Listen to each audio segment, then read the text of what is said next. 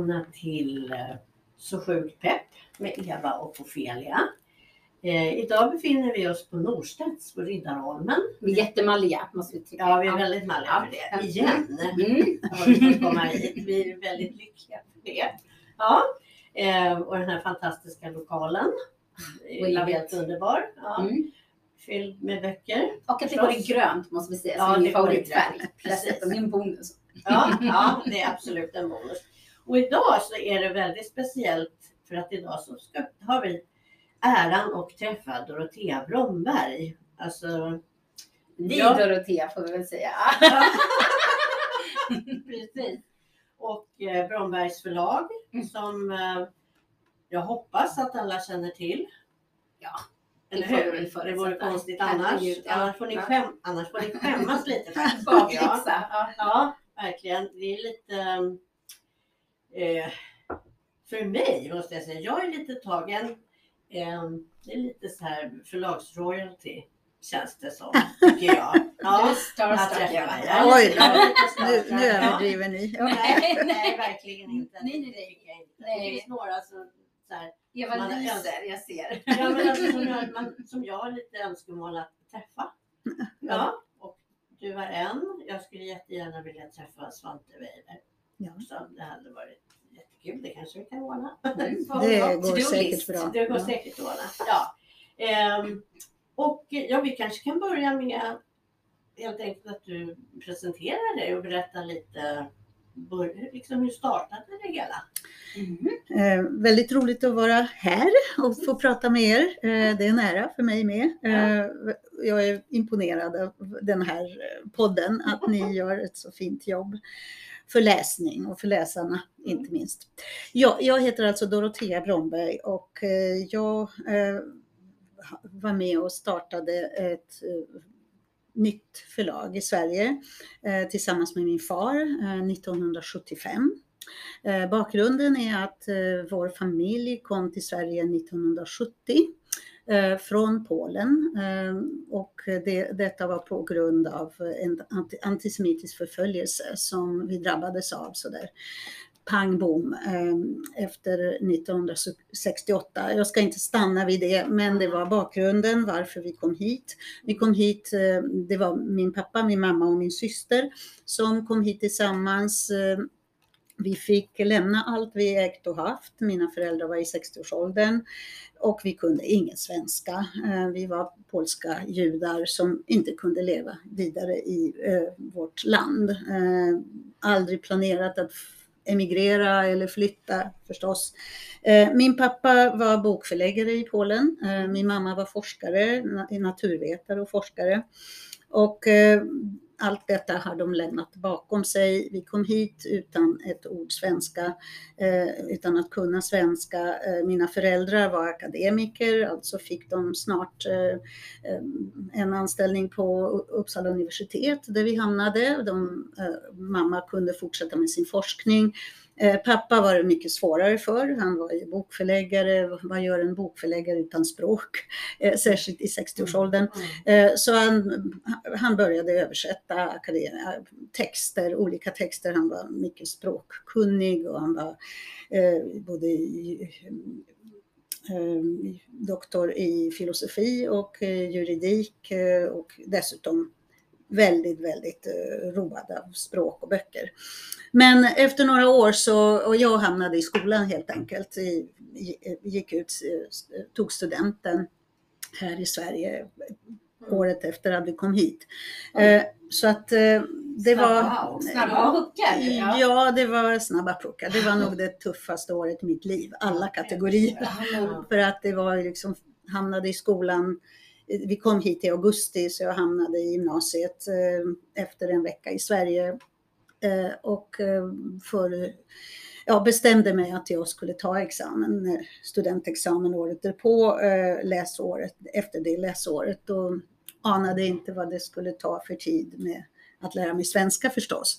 Och valde också humanistisk linje. Ja, det var, det var tufft och det var inte enkelt. Jag ska inte säga att det var enkelt. Men vi stannade inte vid det. Jag tog studenten i alla fall eh, året eh, eh, efter det läsåret och eh, fortsatte på, med mina universitetsstudier. Men, men efter, efter två år så började pappa, pappa längta till böckerna och han har försökt att sökt jobb på olika svenska förlag och upptäckte att det fanns inte en chans för honom. Han förstod det också, det var inte det, men han hade drömt om att ändå försöka jobba eh, här som förläggare.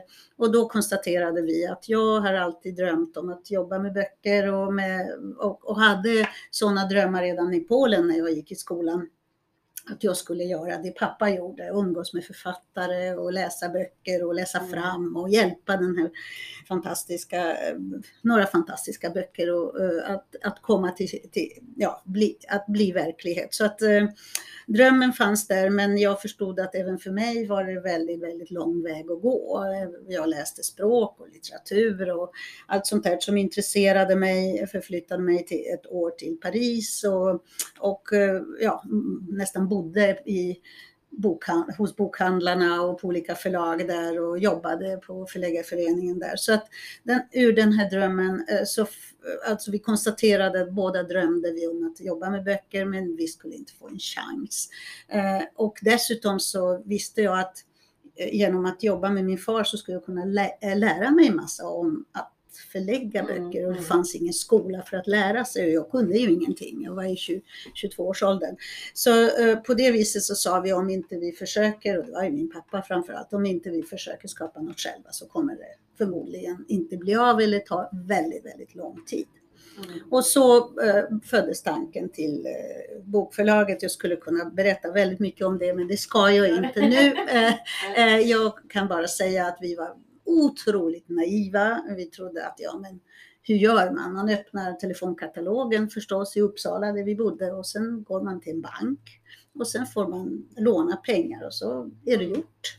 Och det gjorde vi mycket riktigt, kände ju ingen. Eh, så att vi gick runt och eh, de här eh, för, eh, bankdirektörerna var ja, mycket vänliga på alla sätt och vis och klappade oss vänligt på axeln och sa kom tillbaka om 15 år när ni lärt er lite svenska.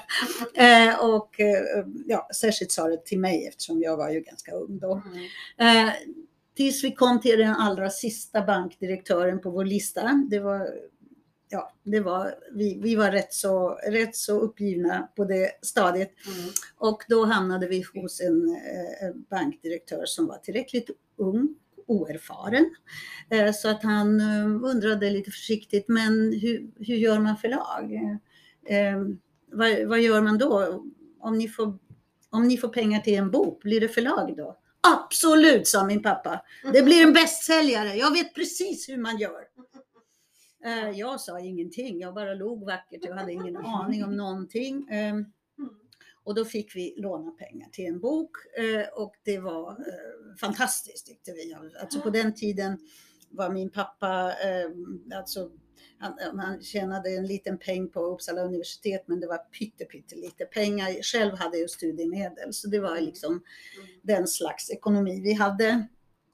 Så att, eh, att, få böcker, att få egentligen med handen på hjärtat att ge ut en bok gör inte ett förlag. Alltså man måste ju ha något att sälja och, och ja, även om den där boken skulle sälja något sådär så, mm. så händer det Vad händer sen? Mm. Ja, men vi var ju optimister och som sagt väldigt naiva och så trodde vi den där första boken blir en stormsuccé. Mm. Och ehm, ja, eh, återigen, jag ska inte stanna vid den första boken för det kunde jag prata länge om. Ja, men det blev en bok som inte var skönlitterär. Det var en, en väldigt intressant bok om Kina som då, Kina blev ju lite intressant eh, i samband med att eh, den amerikanska presidenten åkte, åkte dit och hälsade mm. på och så vidare. Och det fanns en, en bok som sålde väldigt bra ute i Europa men inte eh, inte var köpt här. Ja. Stor och tjock bok om Kina, 650 sidor. Som dessutom var ju ute redan ganska länge. Och den trodde min pappa på. Jag visste, jag har, jag har knappt läst den. Mm. Den gav vi ut och eh, ja, jag skulle kunna sitta här i timmar och berätta om alla dumheter vi har gjort med den. och eh, hur det gick till när vi bjöd hit den här författaren som dessutom var en fransman som eh, hade ingått i den franska regeringen ett tag, vilket gjorde att både den svenska ambassaden och den franska ambassaden var fruktansvärt nervösa när han skulle komma hit. Jag hade ingen aning om någonting. Mm. Så det var väldigt komiskt och eh, eh, som sagt, jag visste inte ens vilka journalister fanns i Sverige. Jag, ja, jag var en fullkomlig nybörjare. Men hör och häpna, det gick hem. Det gick bra med den här boken, tillräckligt bra. För att eh, alltså, vi sålde hela upplagan och vi hade väldigt mycket tur på vägen, det ska jag verkligen erkänna. Så att nu kunde vi trippa tillbaka till den här banken och säga, titta, titta, titta, Mm. alla pengar kom tillbaka och lite till kan inte vi få låna pengar till tre böcker till. Mm. Och det fick vi för att han var lite imponerad ändå. Ja, ja, att klart. ja. Och, eh, och då satsade vi istället för på tre böcker så satsade vi på tio böcker utan att säga det till banken. Mm. Och så eh, köpte vi en författare, eh, fem böcker av en författare. Och det brukar man inte göra för att eh, normalt så ger man ut en bok och sen ser man om den Ja, fungerar och sen Ja. köper man en bok till. Men vi var nybörjare och så tänkte vi, går det inte med den första så går det med- med den andra. Och han är så fantastisk och det är fullständigt obegripligt att han inte Mm. slagit igenom här. Det var tre böcker som var översatta av honom tidigare. Så eh, eh, ett år senare skulle den första boken komma. Och eh, det var oktober eh, och den skulle lämna tryckeriet den första oktober. Och eh, den första veckan i oktober på torsdag klockan ett fick vi veta att han fick Nobelpriset. Oh Jösses. lord. Ja. Eh, och författaren jag talar om är Isaac Bashevis Singer. Och de fyra böcker som vi köpt förutom den första, eh, som vi köpt för inga pengar alls förstås, visar sig vara fullständig fullträff. Så det året, nu är vi, året är 1978 och eh, då, då exploderar den här bomben. Och vi visste inte ens vad det innebar i praktiken. Vi var ju nybörjare, vi har gett ut fyra böcker allt som allt. Så att vi, vi var fullständigt eh, i chocktillstånd. Och chocken fortsatte för att det var ju allt från att få uppmärksamhet, eh, det är ingen som ville veta av oss, de här journalisterna, vi bankade på alla dörrar som fanns i, i flera år och det var ingen som brydde sig så mycket om vad vi ville göra och inte göra. Men nu plötsligt så kastade sig media över oss och åkte till eh, Uppsala och stod i kö där till mammas kök. Vi, alltså, vi hade förlaget fortfarande. Eh, ja, ja, det var helt eh, komiskt. Så det var uppmärksamheten, men det var framförallt försäljningen. Alltså den här boken som heter, den första boken av honom som vi skulle ge ut heter Trollkarlen från Lublin. Och den, den hade jag kämpat hårt för att få order på. Alltså jag åkte runt själv. Eh, På sån där, jag åkte på sån där 100 biljett, ni vet, eh, Ja, eftersom jag ja. inte fyllt 21. Eh, Så då åkte jag för att hälsa på alla bokhandlare i Sverige, 200 stycken, och för att sälja våra, Mm. få order på böckerna. Och kom hem triumfatoriskt i september för att säga nu har vi, kan vi göra en upplaga på 3000 exemplar. Hurra, hurra, jag har beställningar på 750 böcker. Mm. Och eh, sen visade det sig att eh, den där boken sålde i 150 000 exemplar Ja. under de månader som fanns kvar till jul. Så det var helt, helt otroligt eh, som upplevelse, försäljning och ja, det blev ju några samtal eh, till med banken, det kan jag lova.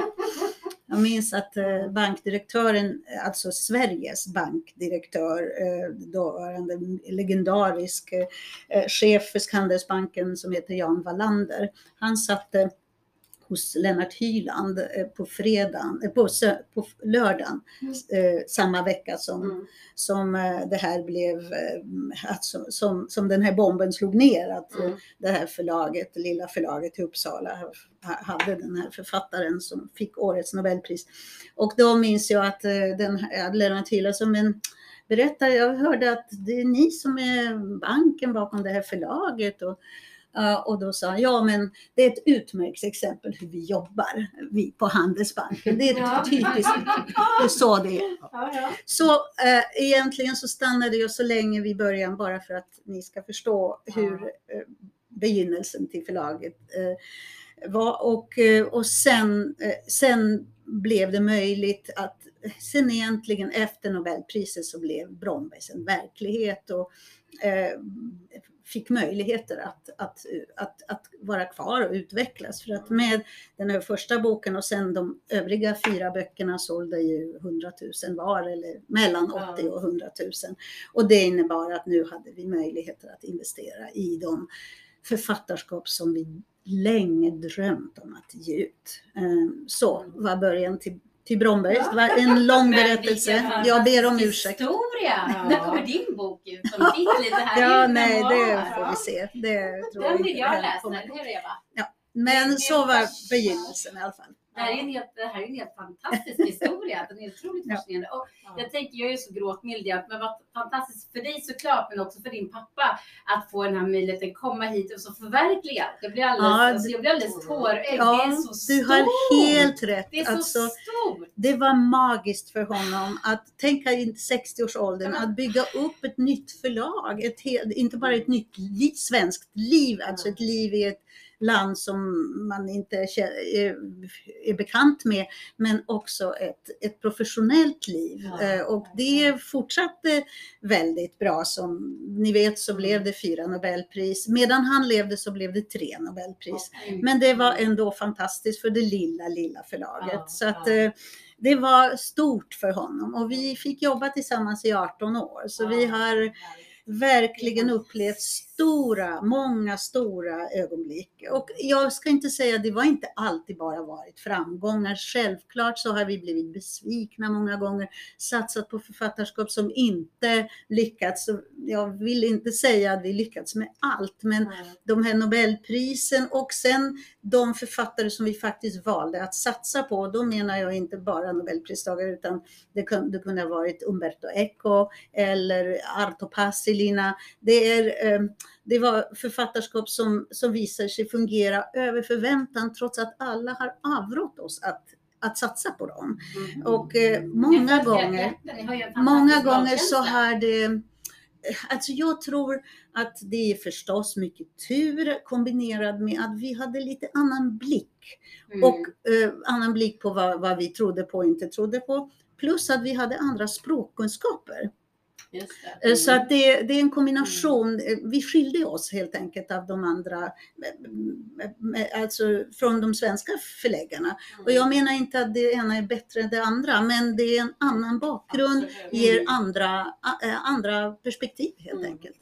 Och sen dess så, alltså det var inte, alltså de Nobelprisen handlade om Singer ena gången, han var ju eh, judisk, polsk, amerikansk författare, men sen blev det polsk poet som eh, heter Czesław Miłosz. Två år efter Singer så blev det ett Nobelpris till Miłosz. Och då med den poeten så var det ju en självklarhet för oss. Vi tyckte att det var vår plikt helt enkelt att Mm.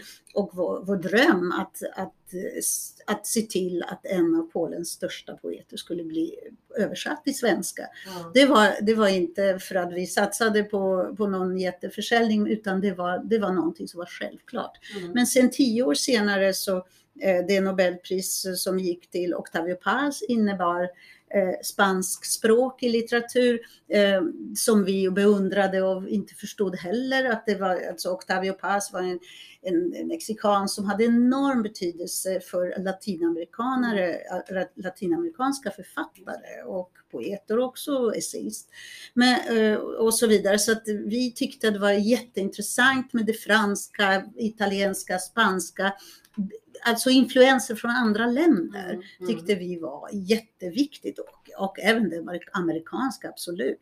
Så, så småningom blev det ju många författare även från engelskspråkig eh, Mm. eh, litteratur. Men, men eh, det var en självklarhet för oss att vi skulle syssla med eh, det där introducera världen i Sverige för att det var det vi var mest nyfikna på. Och samtidigt så var det också så att vi var ett litet förlag som startade på en överetablerad marknad. Många svenska förlag kunde allt om svensk litteratur och Mm. nordisk litteratur. Så nordiska litteraturen blev inte vår specialitet på något sätt. Mm. Det förstod vi att andra kunde bättre än vi. Mm. Men så blev det sån här Arto Passilina som verkligen inte fått någon Nobelpris och det var ju bara en oerhört underhållande författare. Ja, Men där, från Finland. Men där var det å andra sidan en massa svenska fördomar. Att eh, eh, finska författare ska man akta sig för, det går inte att sälja i Sverige. Och Mhm. finsk humor. De, alla sa Dorotea, bara glöm det, det går inte. Men Men, jag har skra, jag hittade honom på franska. Jag läste honom på franska när jag var i Paris på Mm. besök och köpte en pocketbok på flygplatsen och skrattade hela vägen till Stockholm. Så tänkte jag bara, och han har skrivit 50 böcker. Jag tänkte, Ja. vem ger ut honom i Sverige? Och då frågade jag runt och då sa folk, nej, nej, nej, glöm det, glöm det, det går inte. Nej. Och sen sålde vi en miljon exemplar av honom så att, eh, Ja. under 20 år. Ja. Ja, så, Ja. så har det varit. Ja. Mycket tur och lite annan vinkel helt enkelt. Mm, Det är ju mm. det som jag tror Ja. hjälpte oss på Jag vägen. menar, förlagsbranschen är ju ganska, det är svårt att ta sig in. Jättesvårt. Ja, Absolut, jättesvårt. jättesvårt. Mm. Ja. jättesvårt. Var det inte tagit in och så här huset du och jag Eva gjorde ett gift, eller hur? Alltså, Ja, nej, jag skojar bara. Men jag Ja. tycker det är så härligt med din historia. Det är också här som du sa att ni var så naiva från början. Jag tycker Ja. det är så underbart man hör människor som brinner för någonting så starkt som du och din pappa gjorde. Ja. Tror på den här idén. Är så övertygad om att ni inte såg Ja, det är klart att ni förstod att det skulle finnas hinder på vägen, men ni kunde inte föreställa er hur stora hindren Nej. skulle vara. Och det var ju tur. ja, För hade ni förstått hur knepigt det skulle vara så hade ni förmodligen aldrig ens vågat försöka. exakt. Så är Och det. det är ju det som är så Ja. häftigt med såna här Så historier. det. Att man, man är så övertygad om det man vill göra. Man gör det med hjärtat Ja. och då går det. Mm, Ja, det går, ibland går det inte, men om du inte har försökt, hur ska du veta om det skulle gått? Så, så är det. Min, alltså det är min livsfilosofi, var min pappas också. Säg ja. Ja. Gör, gör och se vad som... Och sen snubblar man. Man trillar, man trillar dit och har svårt ibland. Det, det har varit, det har gått eh, upp och ner. Absolut, det kan, det kan mycket väl hända. Mm. Men jag skulle aldrig i livet bli, vilja bli utan det. Det blev ju mitt liv. Alltså mitt Mm. yrkesliv absolut, men mycket, alltså efter min familj så är det de här Mm. Författarna och böckerna som är mitt liv alltjämt. Mm. Jag kan inte leva utan att läsa, det Nej, går inte. nej. Och det, ja, det här är banaliteter, men det är en Nej, sanning i nej, mitt det liv. Det går inte, jag kan inte. Jag ser, alltså jag, jag vill hitta böckerna som eh, gör att jag ser på världen med nya ögon när jag är klar. Så är det. Som, böcker som får mig att förstå världen bättre. Och hur kan jag annars, hur kan jag, alltså det, det, det gör jag bäst genom att se till att jag läser så mycket som möjligt av så många olika eh, olika författare. Väldigt, gärna väldigt, väldigt sinsemellan olika. för att- Mm. Och inte minst från, från andra språkområden. Det är otroligt fascinerande. ja. Otroligt fascinerande. Alltjämt. Jag tycker jag är helt uppfylld av några böcker som vi håller på och bjuder på just nu. Idag ska jag få veta om jag får köpa en bok som jag läste nu under, under, ehm, under semestern och som jag är Mm. jätteförtjust i. Och återigen, varför det? Vad gjorde den med Ja, mig? precis. Vilka historier fångar dig? Som du säger, när du läste mm, Arto Passelinas bok du skrattade hela vägen till Sverige. Vet man vad det är man söker eller är det bara en känsla när man har läst boken? Eller vad är det som gör att ni känner att det här är någonting för oss? Jag tror att det är en kombination. Att, eh, absolut, jag, är- jag är väldigt road av försäljning och marknad och jag vill förstå vad svenska läsare vill ha. Det var ett av de stora hindren i början. Jag hade ingen aning. Nej. Alltså, jag, jag visste inte vad svenska läsare gillade. Jag hade ingen aning om att Sverige och Att- att de svenska, att i Sverige anser man att den franska litteraturen Mm. inte, inte är så kul. Vi kom från, eh, alltså jag, jag generaliserar Ja, ja, alltså vi kom från en tradition där allt det franska var spännande. Mm. Alltså i Polen avgudar man den franska litteraturen, den franska filosofin och så hamnade vi i Sverige som var helt och hållet ointresserade av, alltså som helhet, av, av det franska. Däremot helt riktat mot det amerikanska då vi startade och sen av det brittiska. Mm. Det var Mm. otroligt viktigt. Absolut, jag, jag, och liksom bara det att vi inte ens kände till det. Men det hjälpte, i och med att vi inte var bekanta med det så, så behandlade vi all sorts litteratur som intressant. Jag Ja. menar, hon där, hon, ja, eh, om, det, om man nu talar om, vad vet jag, Arundhati Roy från Indien. Mm, alltså ja. jag fastnade för henne och blev totalt golvad av de små tingens gud Ja. för länge sedan. Ja, jag, jag grät när jag tänkte på att det inte vi, det var inte vi som gav ut den. Så att jag har uppvaktat henne i alla år och se, nu har vi äntligen blivit hennes förläggare. Men, men det, det, det, det gav mig så otroligt mycket färger, så mycket Ja. förståelse av det indiska, av, av sättet att se på världen. Det är fascinerande. Verkligen. Men jag tycker också att Jonathan Franzen, han skriver om, eh, om familjer, eh, de, alltså i, i väst, alltså den amerikanska familjen, så gör han det på en sån fantastiskt fascinerande sätt. Mm. Så att det, man förstår liksom hur relationerna är, alla detaljerna, det är så otroligt välgjort. Mm. Så att det, det, det, det får mig att se på min familj och mitt liv på ett helt nytt sätt. Ja. Så det är eh, magiskt vad litteraturen kan göra med oss. Och jag är väldigt självisk alltså. Jag, eh, svaret på din fråga, kombinationen av att det måste vara en, en författare som går att förstå i Sverige.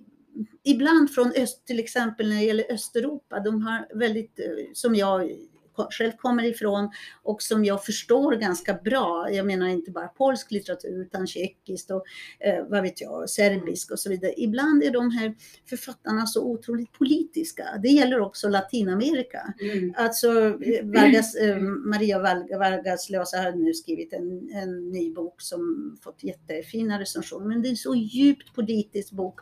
Så det Mm, kräver en ja. viss förståelse. Ibland så Mm. går det inte riktigt att förstå eller ta till sig.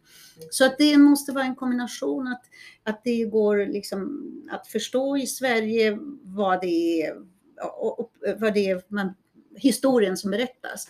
Men också att det griper tag i mig. Det är alltså det är Ja. väldigt, väldigt eh, avgörande. Det måste gripa tag i mig. Och när jag lägger boken ifrån mig så, så, vill, så kommer jag ihåg, jag kommer ihåg eh, ja, eh, stämningen, jag kommer ihåg karaktärerna, jag har blivit bekant med miljön. Alltså det, jag menar vad Umberto Ecos Rosens namn har alltså, återigen, Mm. en bok ingen ville röra vid i Sverige. Alla har tackat nej till den fem gånger om. Varför det? En ny författare i 50-årsåldern var här redan då Mm. eh, skriver en, bo, en, en bok om, eh, på 650 sidor om eh, några munkar som tar livet av varandra me- i medeltida kloster. Min Vem bryr var, sig? Min mamma var besatt av boken. Ja, Ja, den var och den var inte enkel den här boken. Det var inte det. Men- men- Men det var helt, alltså det är en bok som går att läsa på så många olika sätt. Ja. Och så, så att där var det liksom, vi kastade oss över den. Jag läste eh, lite på franska, alltså jag kunde läsa eh, Mm. En stor del av boken för att jag krävde den i översättning. Men, men då var den såld i alla länder förutom Sverige. Och så, men varför inte här? Och då sa mina kollegor, det går inte Dorotea. 650 sidor och översättning kostar multum. Vem bryr sig? Jag brydde mig. Jag Mm. tyckte det var kul. Varför inte? Men då kan man säga ja, men då kan du säga ja, du ja, men det, det räcker inte med en som ska vara läsekretsen för den där boken. Men jag hade tillräckligt kanske ja, naivt självförtroende att, att kunna se att jag kunde prata om den här boken. Jag kunde entusiasmera och det upptäckte jag i början att jag hade en förmåga att entusiasmera andra när jag väl brann för någonting. Ja. Och, det, och det, det gäller ju bokhandlarna, det gäller media, det gäller läsarna. Det, man måste kunna berätta om en bok. Mm. Och det blev något sen när vi fattade våra, i många år, när vi fattade besluten och fortfarande fattar besluten om att ge ut en bok. Så ställer vi frågan, inte bara om den är bra, för det finns många bra böcker, Mm. men är den tillräckligt, är det en wow-bok? Är den tillräckligt, skiljer den sig tillräckligt från allt det andra? Det är den ena, det ena kriteriet. Och, och det andra är, kan, vi, kan jag få andra att tro på den? ja. Eh, Redan, kan jag Mm. berätta om den på ett trovärdigt sätt? kan ju visa verkligen, och de måste ju brinna, annars så går det inte. Nej, Det, är det är därför det är Mm. charmen med det lilla förlaget. För att Ja. är man på ett jättestort förlag, inte kan man brinna för varenda bok. Nej, Eller i alla fall, det, det är väldigt Mm. svårt för en, och det är inte alltid förläggarna som får prata för sina böcker. Men ja, så är det med mig. Eh, Så att det är en eh, kombination och jag vill inte tala så mycket en känsla. Vad är känsla? Ja, jag, jag, tänkte, jag har i alla fall en fråga eh, som jag har funderat lite på. Vad är det bästa med att vara förläggare? Egentligen. Det är en svår fråga. Nej, det är en väldigt bra fråga. Ja. Jag, jag tycker om den. Mm. För att jag har ställt mig den ibland. Inte alls för att jag tvekar om svaret utan eh, för att förstå. Eh, bättre förstå vad det är som jag mest älskar i Mm. det här yrket. Och det är självklart upptäckten av en författare. Mm. Att, att bli förförd av sin läsning. Att bli för, och det kan vara ett svenskt manus, det kan vara ett, um, ett utlän, en utländsk bok. Att att upptäck, upptäcka lusten, det, det, det, det driver mig väldigt mycket. Och sen den stora bonusen kommer med författarna. Och Mm. nu ska jag inte säga att jag är bästa vän med alla författare, verkligen inte. Det är inte alltid möjligt.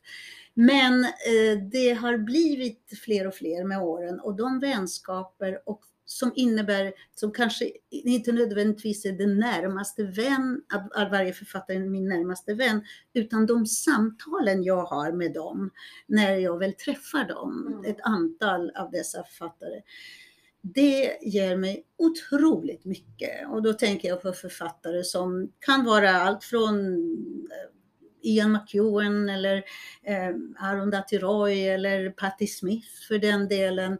Eh, eller eh, det finns många exempel. Vi ger ut en, en irländsk författare som jag tycker jättemycket om personligen som heter Anne Enright. Att tala med dem om litteratur och ordet och vad det gör med oss och vad de skriver förstås. Mm. Eh, ja, vi har gett ut författare, haft, som devis nästan att vi, vi är väldigt trogna våra författare. Att vi, att de, att vi ger ut dem, ja, Mm. i princip allt de skriver och har, och det, det har inneburit att det har blivit ett samtal med dem. Mitt samtal med Isak Singer har varit i 20 år. Mm. Eh, mitt samtal, eller kanske, kanske var det 18, eh, mitt samtal med Umberto Eco har varit oändligt, alltså sedan 84. Det, det har varit fantastiska ögonblick och, och väldigt, det, och det är inte bara trevligt och roligt och inspirerande, men det är också, det är en det är en sorts av bildning helt Mm. enkelt. Jag lär mig av dem. Ja. Jag lär mig att läsa. Jag lär mig och är alltid lika nyfiken på hur deras skrivande ser ut. Hur Mm. gör de? Och de gör förstås på alla möjliga ja, tänkbara sätt. Mm. Mm. Men, men det, det, så det, svaret är helt enkelt själva, själva, själva, själva läsningen, mötet med texten och mötet med författaren. Det, det, är- det, det, det är det roligaste jag vet med det här. Mm. Du, Jobbet. sannolikt tror att det skulle vara, Jaha, vad hes jag är? Det är för det Ja. är torsdag, det är roligt att bli hes varje podd. Varje gång vi ska ha podd så det, Varje det, torsdag. ja, det, precis. det är varje gång det är så här. Hur stor sannolikhet tror du att det är att du själv kommer att ge ut en bok? Jag tänker du, du hör så mycket, du läser mycket, kan mycket om text, språk, olika skrivsätt och sånt som du får Mm. till dig. Skriver du någonting själv eller Eh, på din kammare? Det kanske är hemligt? Du kanske har någon... Mm, Ja, jag kanske antecknar Mm. något, men jag har, alltså ju mer bra litteratur man ger ut, desto större respekt Mm. har man för texten. Och det har, jag tycker det har blivit lite inflation i att alla ska skriva en bok. Mm. Inte minst journalister, alla journalister värda namnet. Ibland skriver de jättebra böcker, jag säger Även ingenting om det. Men alla som liksom Ja, för att det blir liksom alla som kan tryck, trycka på tangenterna tror att de... Och sanningen är förstås att eh, varje människa har en historia i sig, men det betyder inte att man kan man har förmågan att berätta om den. Även om historien är otroligt fascinerande och dramatisk. Mm. Förmågan att berätta är någonting Mm. annat. Mm. För att eh, förmågan att väcka en upplevelse. Jag kommer så väl ihåg, vi har eh, i vår historia varit med om en fantastisk, eh, fantastisk framgång med en nybörjare som var 64 år när hon skrev sin första bok. Och jag talar om Helena Henschen och hennes Mm. I skuggan av ett brott. Jag pratade med, hon var ju formgivare och hon skrev lite som journalist men inte jättemycket. Och hon hade en otrolig historia med i bagaget, fruktansvärd historia. Jag ska inte dra den nu men, men hennes mamma var vittne till, ett, alltså till, till två till, till att tre personer blev mördare Mm. bara. eh, Det var två husor och, eh, eh, och hennes pappa. Så det, det, det är en exempellös historia. Men Helena Henschen har gått omkring och tänkt på att berätta den historien, den, här är familjehistorien. Och, eh, och hon kom till mig och vi, och vi, pratade om det, ja men skriv, skriv sa jag. Och sen efter ett år sa hon, nu är du klar. Och så kom hon med kanske 80, 80 sidor till mig och sen, den är klar.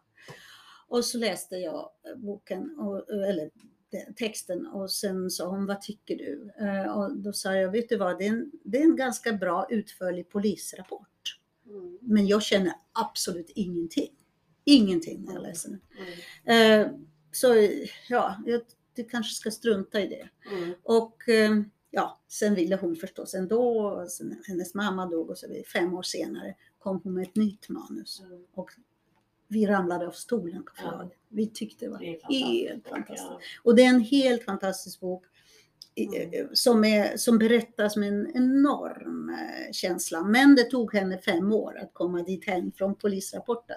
Så det, och historien, hennes dramatiska historia var det inget fel på. Det var ju fruktansvärd Ja, dramatik. ja. Men det är inte, det, det är förmågan att få läsaren att uppleva någonting. Det är det som är det svåra. Mm. Mm. Och därför är mitt svar, det är ytterst tveksamt att jag skriver någonting. Men det finns lite alla möjliga planer. Det är några som vill berätta den här historien. Vi får se. Ja. Men, eh, men eh, kanske återkommer. Ja. Hur hur vanligt är det att författare får hjälp då? Som du säger, det är inte alla som kan få fram en bra historia, fast du kanske har en fantastisk historia.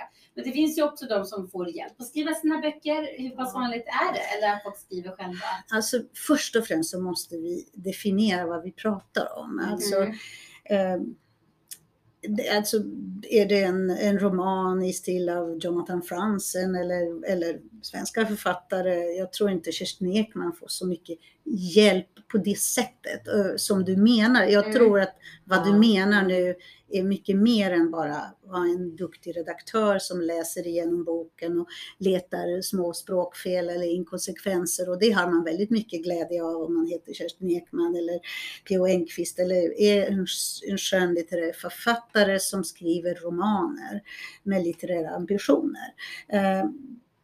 Sen finns det genrelitteratur. Det finns filkod och det finns deckare. Det finns, och deckare kan vara massor med olika sorters deckare. Mm. Där händer det ju att man eh, får hjälp eh, Mm. av förlagen eller kanske av någon medskribent. Det är en helt Mm. annan sak. Eh, Mm. och sen finns det en helt annan genre som är både två olika. Jag tänker på nu, den ena är biografier. Eh, när det gäller självbiografier, det, det är väldigt ofta man får hjälp av någon som, som, som skriver, men att eh, personen som är högintressant berättar sin historia. För att det finns en nyfikenhet på den här personen. Mm. Och sen tar man hjälp av en som är vanskribent. Och det är inget fel i det och det kan bli hur underbart som helst. Mm. Mm. Eh, Så att biografier är mycket vanligt förekommande. Mm, att man får hjälp av, ja man pratar lite föraktningsfullt om spökskrivare men det är inget fel på. Det är riktigt bra skribenter och absolut inget fel att, att göra det. Och det gör ju att de här personerna får sin, berätt, sin historia berättad på ett sätt som vi, eh, som vi kan uppleva är jättespännande. Mm. Ehm, och det finns många exempel på det. Och sen finns det facklitteratur och då pratar vi om helt andra saker. Återigen, facklitteratur kan vara forskning och populärvetenskap och det kan Mm. vara en, en forskare som kan allt om sin forskning men inte kan uttrycka sig i skrift. Då får han ibland hjälp av en, av en skribent. Så att eh, det är olika. Men Mm. om vi talar om skönlitteratur, och i, i, när, när vi talar om litterära författare så tror jag inte så får de väldigt bra hjälp av duktiga redaktörer och eh, det är inte många som kan. Det är en stor konst och mm, kanske o, lite underskattad eller osedd eh, eh ibland eh, Eh, yrkeskategori. Eh, fantastiska redaktörer har jag träffat. De bästa är guld värda och, och Mm. eh, det vet författarna. Eh, Så de håller sig oftast till sina redaktörer. Ibland så, så händer det att de här redaktörerna byter förlag och då följer författaren med för att det är så en viktig funktion. Jaha, Det händer, det händer, ja. Mm. Så att det är en, eh, men svar på din Mm. fråga, absolut olika. Väldigt också olika. biografier när folk ska berätta sin historia sådär. Man kanske inte riktigt har knixen för att få till. Ja, alltså absolut. Ja, det, det har vi, ja, det har Mm. kommit väldigt, väldigt många biografier, även av människor som är jättekända och spännande.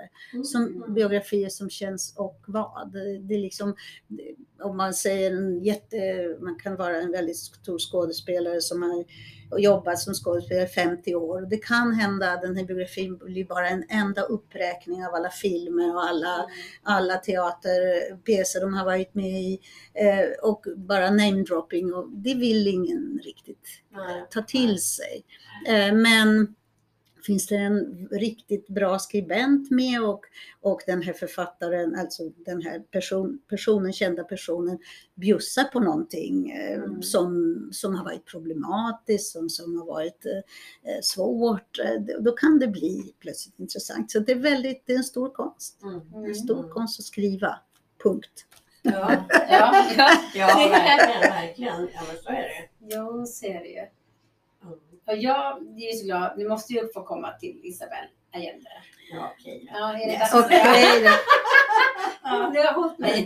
Har du hållit det länge tycker Ja, jag. ja, ja. Ehm, det- Jag tycker att det är så fascinerande. Nu har du inte träffat henne än, men dock har du mejlat med henne. Det är- Du gör i alla fall ett mejl bort från Isabella genom att jag sitter Ja, det- bredvid dig. ja. Jag funderade på det här om dagen att närmare så här kanske jag inte kommer, men det är i alla fall ett steg närmare. Ja. Ja. Jag är ju superfan av hennes böcker. Det började ju såklart med Andarnas hus som jag Mm. fick i min hand någon gång när jag var, inte vet jag, 16-17 tror jag. Mm. Och bara wow. Mm. Och efter det så, ja, magisk realism har jag tjatat på Eva jättemycket om till leda. Mm. Det är min absoluta favorit. Ja. För jag tycker att hon gör det helt genialiskt, Ja. såklart. Eh, kan vi berätta någonting mer om henne? Du sa att hon kommer ut med en ny bok här snart som jag ser fram emot. Mm. Eh, bra, julklapp till mig själv kanske. Mm. Eller om det kommer tidigare födelsedagspresent till mig själv. Mm. Ja. Ja. Ja. Med henne är det så att eh, hon är ny för mig. Det låter Mm. fånigt för att hon ska ju fylla 80 år i år. Men eh, jag måste börja där du började. Jag föll pladask för Andarnas hus, Once upon a time. Mm. Det var inte vi som gav ut, men jag tyckte det var, fan, det var väldigt, väldigt länge sedan. Det var underbar, underbar läsupplevelse. Jag är också svag för magisk le- eller realism, det har ju Singer sysslat med och många, många andra, Vargas Llosa inte minst då. Ja, några till. Eh, och Marquez, alltså Ah, Marquez, alltså 100 år av en- ensamhet. Det är en, Mm. det är en underbar läsupplevelse. Så jag är också lite fast i den här latin, latinamerikanska litteraturen. Eh, och, och Andarnas hus var definitivt en av de stora upplevelse, läsupplevelserna. Mm. Så precis som jag, jag tidigare sagt med Aron Tiroy, ja, De småtingens gud var en sån läsupplevelse. Det måtte det hända någon gång i mitt liv att jag får chansen att ge ut den här författaren som betytt så kolossalt mycket för mig. Och så har det varit för Isabel Allende, med, med mig och Isabel Allende. Sen Andas, Andarnas hus så har jag läst allt hon har skrivit.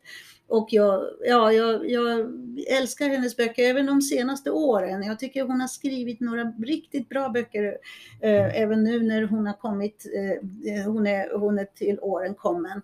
Men det, det finns en kraft och en energi i henne och dessutom en syn på livet som, är, som jag Alltså en nyfikenhet och öppenhet för det som kan hända oss som jag beundrar. Och sen beundrar jag också det här det kvinnliga perspektivet i hennes böcker.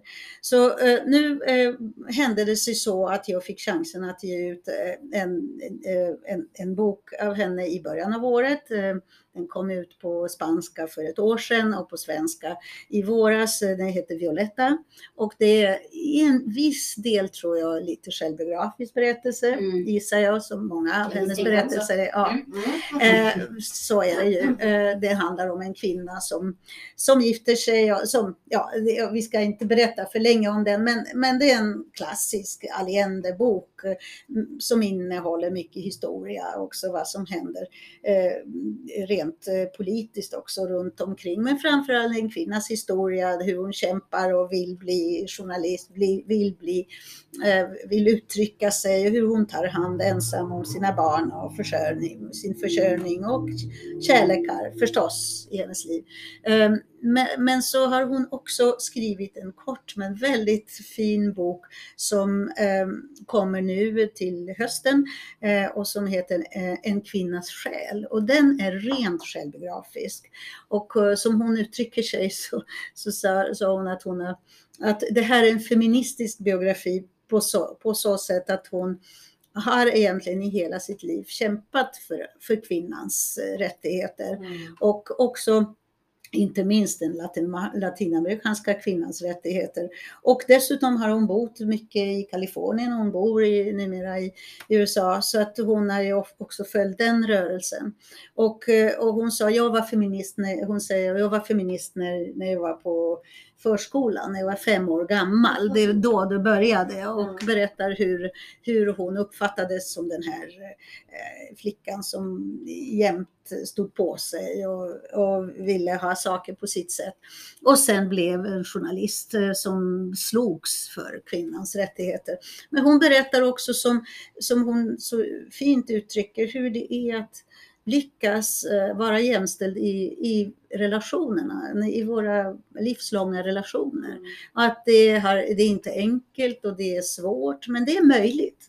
Mm. Och hon berättar också om vad, vad det är för relation hon lever i idag. Hon har varit gift flera gånger förut och eh, ja, man verkligen tappar hakan när man hör att hon att hon, hon träffade en ny man, ny man för tre, fyra år sedan kanske det var. Det var en läsare som, som stod i signeringskö till henne. Och sen blev det visst en kopp kaffe och sen gifte de sig med pompa och ståt. Och nu bor de tillsammans. Och då rapporterar, ja, livsbejakande otroligt starkt och driftigt och, eh, och hon säger ja så här gör vi. Och det, det här har jag lärt mig. Och det har inte varit enkelt och det har tagit lång tid. Men så här jämlikt kan vi visst leva idag. Och varje morgon berättar hur hon varje morgon går upp för trappan till sin skrivare Lia och hur de, eh, hur de gör för att, eh, för att leva harmoniskt i den här relationen.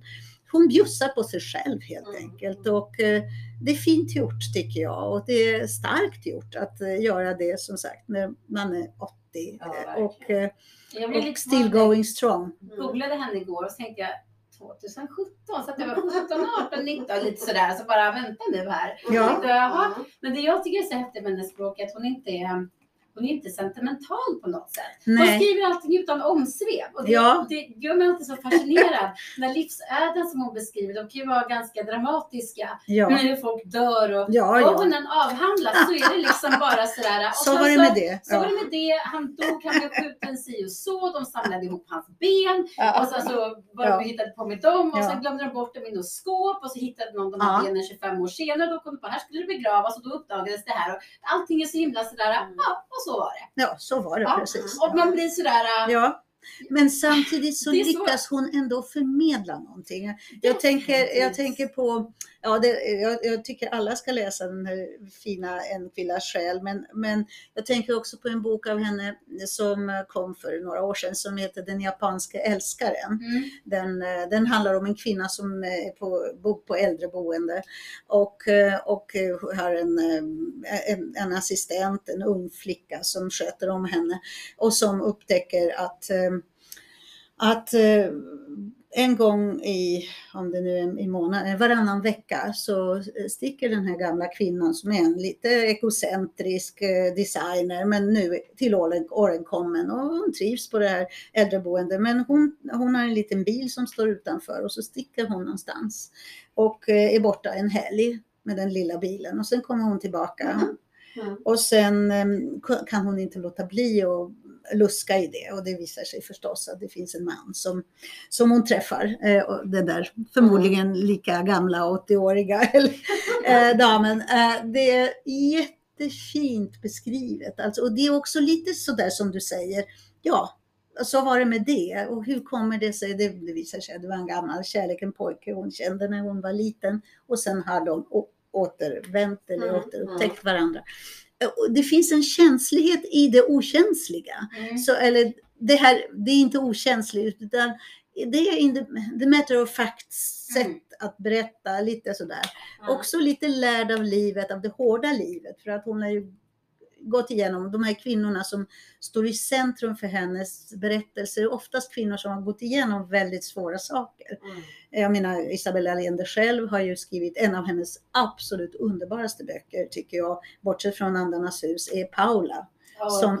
Eh, som jag Ja. verkligen rekommenderar alla. Den är så otroligt fint skriven och det är en mamma som, ligger, som sitter vid sin döendes, döende dotters säng och, eh, och pratar med henne eller skriver ett brev till henne. Det är väldigt, väldigt fint gjort. Mm. Men där kommer man ju, man känner med henne verkligen hela, hela vägen. Så att hon är en, eh, ja det är en väldigt intressant kombination av det här att hon får oss att känna samtidigt som hon kan vara ganska tuff. Mm. För att hon är en ja, tuff. Ja, hon är brud. Tuff. Hon är Ja. tuff. Jag tänker alltid på min faste, hon berättade alltid historier från Gävle där hon är ifrån. Och Ja. så slutade alla historier med och så vart han död. Ja. Eller så, så- och så vart det lasarettet. Så fick han sockersjuka.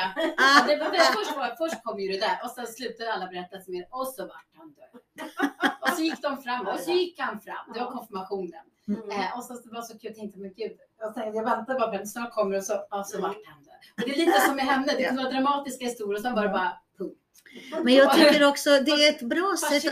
Det är lite, det får man tänka på att det är ett bra sätt att avdramatisera vilka, vissa saker Ja. i våra liv. Just döden. Alltså, Mm. Hon umgås med döden. Alltså vi Ja. umgås med döden i Ja. hennes böcker. Det, hela det tiden. Men med döden, med kärleken, med Ja. passionen. Eh, med, alltså, det, det händer saker i våra liv. Och det, är, det, och det, det gäller att eh, ta sig igenom dem. Men det gäller att ta emot den här passionen när den kommer. Mm. Eh, inte vara rädd för den. Så hon, och, och med allt vad det innebär av Mm. komplikationer. Alltså hon ger sig iväg med en älskare, pang bom, små barn och eh, ja, hur ska det gå? Ja, Mm. det blir som det blir och man får ge sig hän. Men det är livet hon beskriver. Det är livet. som är så Det är livet, tycker jag. Ja, passionen, livet. men där ingår döden också. Det, Absolut, det händer det. oss. Ja. Och den, kom, den kommer in i alla hennes böcker Mm, på olika mm, sätt, mm. inte minst Mm. förlusten av den här dottern som kommer tillbaka i olika, olika versioner i hennes romaner. Det gör den ju. ja, verkligen. Den var stark. Alltså nu måste jag säga, vi har snart samtalat här i en timme. Ja. Det är ju helt Ja, fantastiskt. hur ska ni ro i hamn det här? Ja, det, här- ska ju bli en hall. bli- det kommer Nu blir det klipp. Klipp-bonanza. Det blir inget klipp Jag alls ska jag säga. Ja. Alltså jag är lite nyfiken när man då som du jobbar med böcker och omgiven av böcker hela tiden. Alltså, hinner du att fritidsläsa någonting? Alltså, läser du bara för din egen skull? Jag Ja. måste, jag måste fritidsläsa. Ja. Det, jag, men måste menar jag att jag har ett stort behov av det. Ja. Inte bara att jag måste, för att det finns också andra aspekter, eh, nämligen att jag vill eh, veta vad andra ger ut. Eh, Ja. vad är det som vi inte ger ut men andra ger ut som fungerar, så det också ingår. Mm. Och eh, så jag läser väldigt mycket av det som kommer ut Mm. eh, och väldigt mycket av mina älsklingar förstås. Jag har några älsklingar som vi inte ger ut. Ja, Eh, vilka Ja, det är en, en husgudinna är förstås Joyce Carol Oates. Ja. Det, hon har skrivit kolossalt mycket. Jag har verkligen inte läst allt av henne, men hon gör mig aldrig besviken. Nej. Och jag tycker, är det någon som ska få Nobelpris så borde hon ha fått det för länge sedan. Ja. Otroligt fin författare och, och tilltalar mig väldigt mycket. Mm. Så, jag, så nu har jag, eh, ja, om du frågar mig vad jag gör i det jag läser så i, i sommar så har jag bestämt mig för att det var länge sedan jag, lä, jag läste hennes mästerverk som heter Blond. Jättelänge sedan. Nu så upptäckte jag Ja. att den kom som ljud. Så jag tänkte jag Aha. måste belöna mig lite grann. Under, jag kan inte bara läsa det senaste nya. Nej. Utan, så jag har börjat lyssna på den fastän jag läste den. Men det var ju för 20 år sedan hon kom. Hur, hur är Det-? Fantastisk. Fantastisk. Är det, är det det? Jättebra. Och det är Jag 40 gör det. timmar. 40 timmar. Så jag Ja, ja. portionerar ut den. Men En apropå. Alltså, Det- det är inget- Ja. Ja, men, det, men man läser aldrig på raken. Ja, Nej. ja, så svaret är också att i och med att det finns en möjlighet att lyssna Mm. så har min läsning, lustläsning ökat med 100 procent Ja. sen jag började lyssna och det var för många år sedan. Mm. Så jag lyssnar på böcker också, men oftast läser jag, alltså det nyutkomna litterära, det är inte alltid det finns Nej. som, eh, som att läsa som, som ljud. Mm. Men jag är väldigt beroende av, eller jag vill också hänga med och jag läser mycket av det som utkommer på engelska. Och på, ja. Alltså mitt Mm. problem, mitt dilemma är förstås tiden att läsa med ögonen. Ja. Så att lj- ljudet det får vara med bara när jag inte kan läsa med ögonen. För att Ja. jag läser så mycket manus som inte finns som bok långt, långt Nej, innan boken kommer ut. Till och från. Innan, ja. Så att det, jag har alltid flera böcker på Ja. gång och Blanska pågår helt Ja. enkelt. Den, jag, jag, ja. Så att nu låter det som att jag bara läser världslitteratur. Inte alls. Jag, jag kan läsa Åsa Larsson med enorm eh, behållning. Jag tycker hennes senaste bok är helt ljuvlig. Mm. Och jag, jag visst är det en deckare men det den är så mycket mer. Och det finns några andra eh, författare i deckargenren som är väldigt, väldigt bra. Mm. Så att eh, det kan hända att jag läser dem ibland. Eh, Jag har några favoriter som sagt, Åsa Larsson är en av dem. Så att jag, ibland så blir det bara underhållning. Jag, jag går mycket, så jag går två timmar om dagen oavsett väder och vind. Så de timmarna använder jag ja, dels för eh, måste-läsning för att det är ju Mm. några som ibland engelska böcker vi överväger.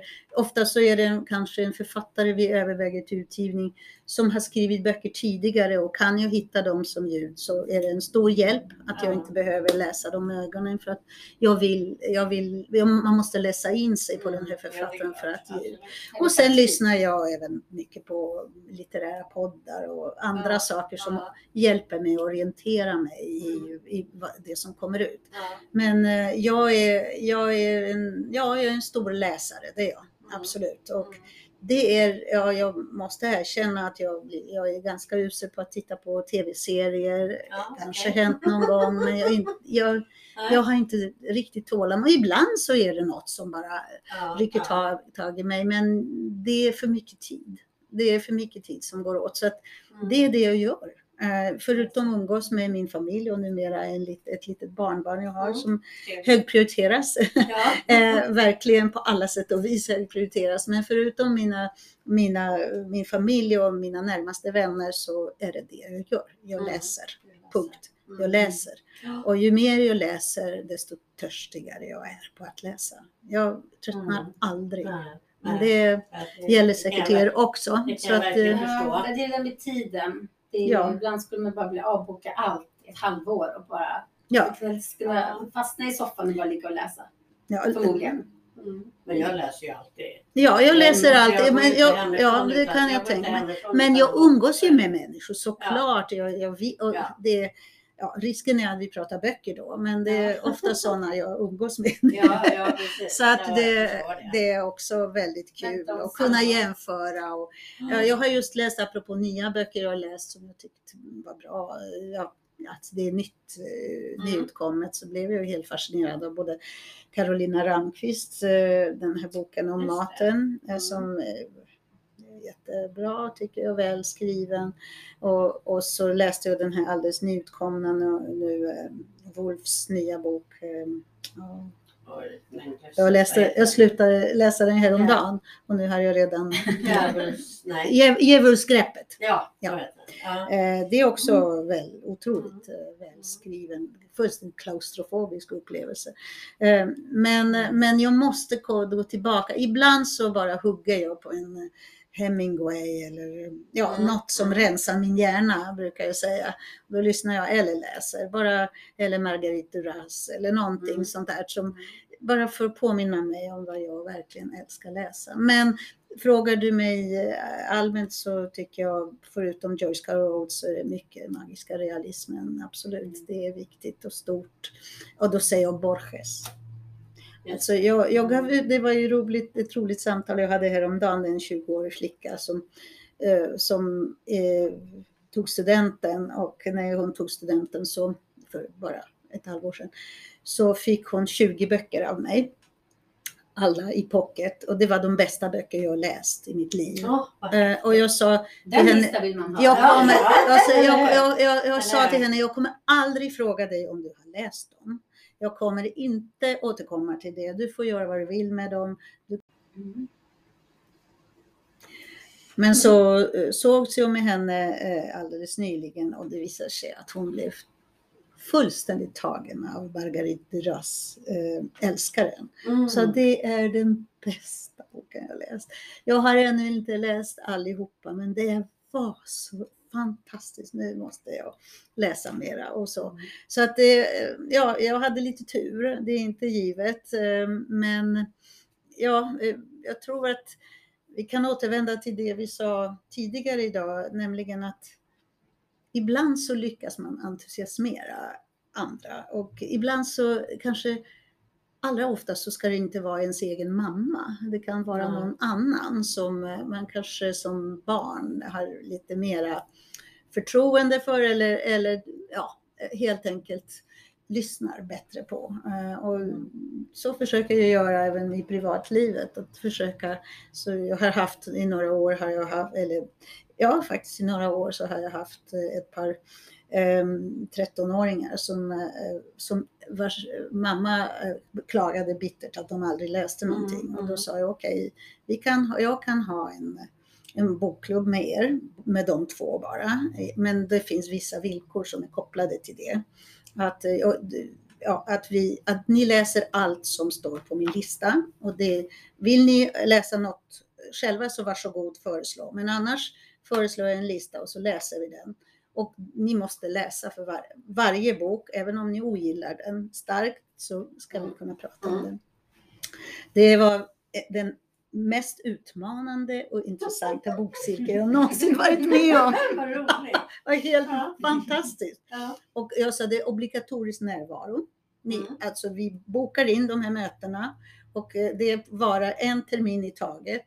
Mm. Uteblir ni någon gång, om, om, ni, om ni är friska förstås, Mm. så, så avbryter vi med omedelbar verkan. Det var väldigt stränga order Ja. och de älskade det. De pratar fortfarande om det. De är i 20-årsåldern. nu. Nej, vad roligt. Ja.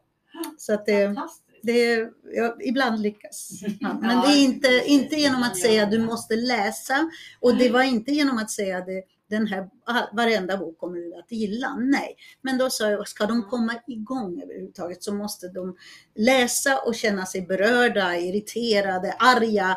Mm. Hitta till helt enkelt vad läsning är. Ja. Och det är svårt. Man kanske, ja, man kanske helt enkelt ställer lite för ja. liksom, låga krav Jag på tror det. Ja. För att det, liksom, det blir, det, ja på något sätt så, ja, det är ju vad skolan ska göra. Alltså vissa saker Ja, måste man läsa precis. och skriva Ja. om. Men frågan är hur man pratar om dem både före och efter.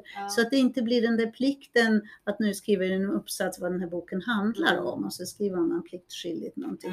Men det är mera frågan, vad är det den satt igång i dig?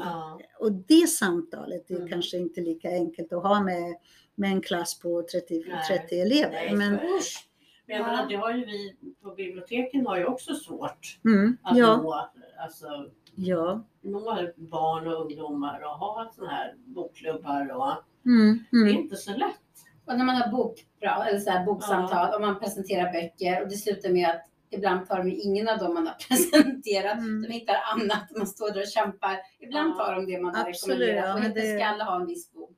Och ibland så är det liksom ingen, alla bara är nollställda. De hittar kanske någonting annat eller också har de inte kommit in i det. Kanske senare i livet, kanske som min pappa. Han gillade helt Men kom ihåg, ni har ett fantastiskt jobb. Jag är väldigt svartsjuk på er. För att, att komma fram till de här ungdomarna, det är en otrolig utmaning. Men det är också Mm. otrolig belöning när man lyckas. Ja. Det är inte, såklart det inte går, men det går inte med alla vuxna heller. Om, det, om man skulle samla random vuxna, vi pratar om, vi jämför med bokklubbar som, som man kan samlas kring, eh, alltså där man samlas kring en bok, men dit kommer ju folk som verkligen läser och som Ja. verkligen vill det. Absolut. Och de här ungdomarna, de är ju random. Ja. Det är som om man skulle, skulle samla alla som sitter på en buss och säga Mm. Nu läser vi de här böckerna. Ja. Ja, vissa är totalt ointresserade, Absolut. vissa eh, blir eh, berörda, vissa blir inte alls berörda av det de Ja. läser. Ja. Så att det, det är ett svårt jobb men väldigt, Ja. väldigt Ja, kul. Mm. Ja, nu har vi pratat Vi har länge, pratat jättelänge. Det har varit helt fantastiskt. Mm. tycker du? Ja, Ja. ja, Jag så kunna spännande. sitta här länge till. Ja. Men, Ja. Men avrunda, det är det avrunda. vi ska göra. Ja. Mm. Vi kanske kan avrunda med, eh, du pratade lite om eh, det här att eh, läsa om böcker. ja, Ja, för det är ju det är många som man pratar med säger nej, nej, nej. Ja, men, och det är ganska populärt just för tillfället att inte, även om man är en storläsare så har man ingen bokhylla hemma. mm, Har jag upptäckt. Det är ganska vanligt. Utan man läser en bok och sen Mm. Så skeppar man iväg den till någon annan eller ja, Mm. och sådär. Och då just det här med omläsning av böcker. mm, På mm. något sätt så förlorar man ju det. Jag, Ja. ja. För jag kan ju känna det när jag står hemma och tittar i mina bokhyllor så Mm. kan jag ju när man ser de här bokryggarna så Mm, kommer mm, alltså, mm, de talar ju mm. till en. Ja, såklart. Gör de Minnet. De Mm. väcker minnet till Ja, liv. Ja, absolut. absolut. Ja. Har du några sådana här favoriter som du Alltså jag måste erkänna här och nu att eftersom jag har det jobb jag har Ja. så är det inte alltid möjligt att ägna mig om, omlä, till, åt omläsning. Nej. Och jag, och jag är ganska otålig. Mm. Ehm, så att jag, jag är inte den här omläsaren med stora bokstäver, Nej. med versaler. Ehm, jag eh, är mest inriktad på att läsa nytt och upptäcka det nya. Och Mm. det mer, ja. Men eh, dock så finns det lite undantag. Och, Mm. och jag, eftersom det är så mycket, och nu, nu låter, låter det som att jag bara läser bra böcker, men, men grejen är att när man, ska, när man letar efter ny, ny litteratur så är, tvingas man läsa en massa som inte är bra. Mm. Eh, alltså som, är, som man blir, jag blir besviken på. Det är massa nya röster som jag har ingen aning om. Jag måste läsa för att veta. Är det bra? Är det något för oss eller inte? Mm. Så det blir, jag brukar säga, jag, jag får så mycket skräp i huvudet. Så att jag, jag måste rensa systemet. Mm. Och då, då tar jag, då räcker, då, då, då tar jag en, som sagt, någon, någon favorit. Eller det, det kan vara, det kan vara mm, Hemingway eller det kan vara en av mina andra favoriter. Det kan, vara Marguerite Duras eller det kan vara någon eh, Coetzee till exempel som också, alltså gärna liksom något som på, som, alltså någon som har en alldeles egen röst alldeles egen stil som fungerar, som jag alltid älskat. Mm. Så det tycker jag är fantastiskt kul att komma tillbaka Mm. till och känna mig hemma igen. Mm. Men sen har jag liksom många omläsare en viss rädsla för att läsa om. Ja. Än, den där Mm. gamla boken som jag absolut. älskade över allt på jorden Mm. när jag var 20 eller 25, som verkligen öppnade litteraturen för mig och sen säger jag, men var det inte mer än så här? Ja, det Såklart att det händer, såklart. Och det, och det vore konstigt om det inte hände. Jag är ju en helt annan människa idag. Jag, Precis. den funkade för mig. Ett sådant exempel eh, när jag var jätteförtjust i franska författare när jag var, när jag var ung eh, och läste Romain Rolland som Mm. var, för mig blev jättestor upptäckt. Läste allt av honom. Och en av hans mindre, mindre kända böcker var en bok som heter Collabrignon, som var ett, ett namn alltså på, Mm. en, på en, en man för länge sedan som, som, eh, som eh, hela be- berättelsen handlar om en man som, som bor utanför, eh, alltså på medeltiden, utanför stadens murar för att han vill vara fri. Och han bygger upp sitt hus och det här huset utanför murarna förstörs hela tiden. Det kommer, det kommer attacker från olika håll och folk säger men bygg nu, flytta in innanför murarna. Och han blankvägrar. Och det är en otroligt gripande berättelse om det här inte världens bästa roman, men den gjorde allt för mig. Den gjorde, Mm. eh, den gav mig mod och den gav mig eh, energi och den, och, och, ja, förmodligen så tänkte jag så kan man också göra. Jag kan gå min egen väg. Jag behöver inte, ja, Mm. lite grann Mm. det här. Jag tror inte att, jag, jag vet att jag, den här boken inte fungerar för mig nu, Mm. men den har gjort tricket, för Mm. att säga, i mitt liv. Mm. Så sådana böcker finns det också och jag måste inte läsa om dem. Men jag kan minnas känslan och Mm. den känslan ger mig fortfarande energi. Mm. Så, Det är härligt. så är det med omläsning för Mm. mig. Mm.